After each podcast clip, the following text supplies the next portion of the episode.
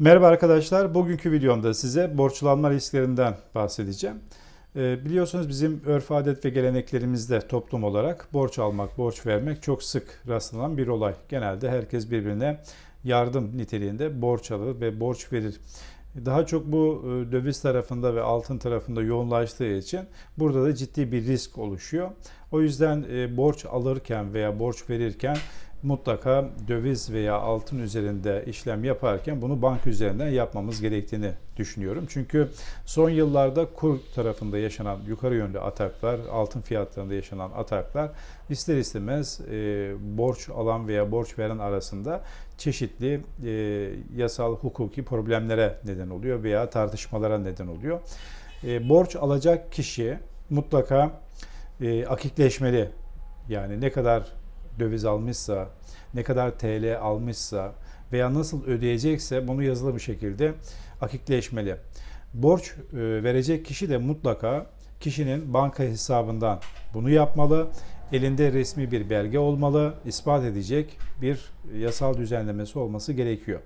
Bu süreçte e, genelde alıcı veya borç veren kişi arasındaki sorunların da iddia üzerinde sözlü olarak birbirine işte ben sana TL vermiştim, döviz istiyorum, ben sana TL vermiştim, altın istiyorum gibi problemler çok sık sık karşı karşıya kalıyoruz. Dekontun mutlaka alt kısmında şu kişiye şu kadar gram karşılığı borç verdim, şu kişiye şu kadar döviz karşılığı borç verdim diye bir açıklama yapılırsa çok isabetli bir karar olur. Özellikle borç alacak arkadaşlarımız da geliri neyse mutlaka ona göre e, borçlanmalı. TL geliriniz varsa TL borçlanmak zorundasınız. Maalesef e, nefis iradenin önüne bazen geçebiliyor. Yani bir ev alacaksınız, araba alacaksınız ve çok heveslisiniz ve gözünüz hiçbir şeyi görmüyor. Bir anda yakın çevrenizde, arkadaşınızda, işinizden, dostunuzdan para istediğiniz zaman kişi size veririm ama döviz olarak veririm, veririm ama altın olarak veririm gibi e, söylemlerde bulunuyor. Hemen o heyecanla tamam olur kabul falan diyorlar ama e, birkaç yıl sonra bakıyorlar ki o döviz kurlarının veya altın fiyatlarının iki kat, üç kat fazla ödemek zorunda kaldığını ve bununla ilgili problemler yaşandığını da sık sık gözlemliyoruz. Mesela şöyle bir örnek verebilirim. Bundan 6 ay önce yıla gram altın TL fiyatı 780 lira seviyesinden başlamıştı. Bugün 980 lira. Yani gramında 200 lira bir değer artışı olmuş. 78 bin lira olan 100 gram altın 98 bin lira. Yani aylık 3333 TL bir değer artışı göz önünde bulundurmak gerekiyor. İşte döviz alırken veya altın alırken bu e, aylık veya yıllık değer artışlarını mutlaka göz önünde bulundurmanız gerekiyor. E, ne mağdur olun ne de başka tarafa mahcup olun e, uyarılarımı ben belirtmek isterim. Diğer yandan özellikle yeni evlenen çiftlerimiz de var, e, arkadaşlarımız da var. Bu arkadaşlarımız genelde şöyle bir düşünceye sahip. İşte biz düğünde toplanan takılarımızı, altın takılarımızı bozdururuz.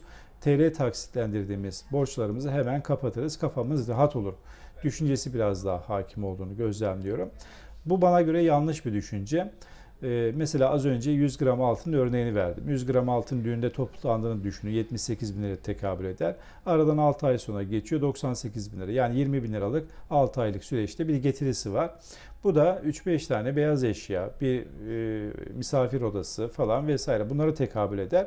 Ve dolayısıyla da altın fiyatlarının değer artışları, elinizde fiziki altın var ve bunun kıymetini bilmeniz lazım ve aylık bazda, yıllık bazda ciddi bir getirisi var.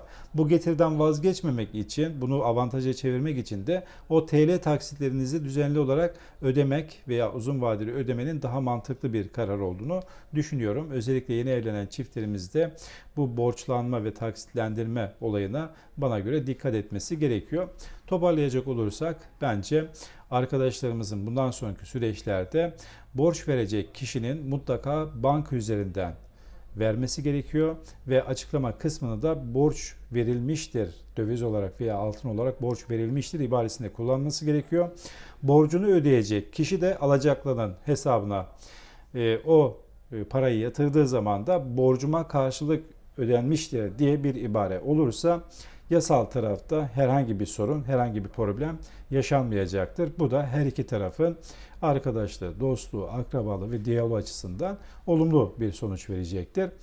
E, geliriniz neyse ona göre borç almanız gerekiyor ve borç alırken verirken de bunu banka üzerinden yapmamız gerekiyor. Bu konulara dikkat edersek bence avantajlı olur. Dinlediğiniz için teşekkür ediyorum. Hoşçakalın.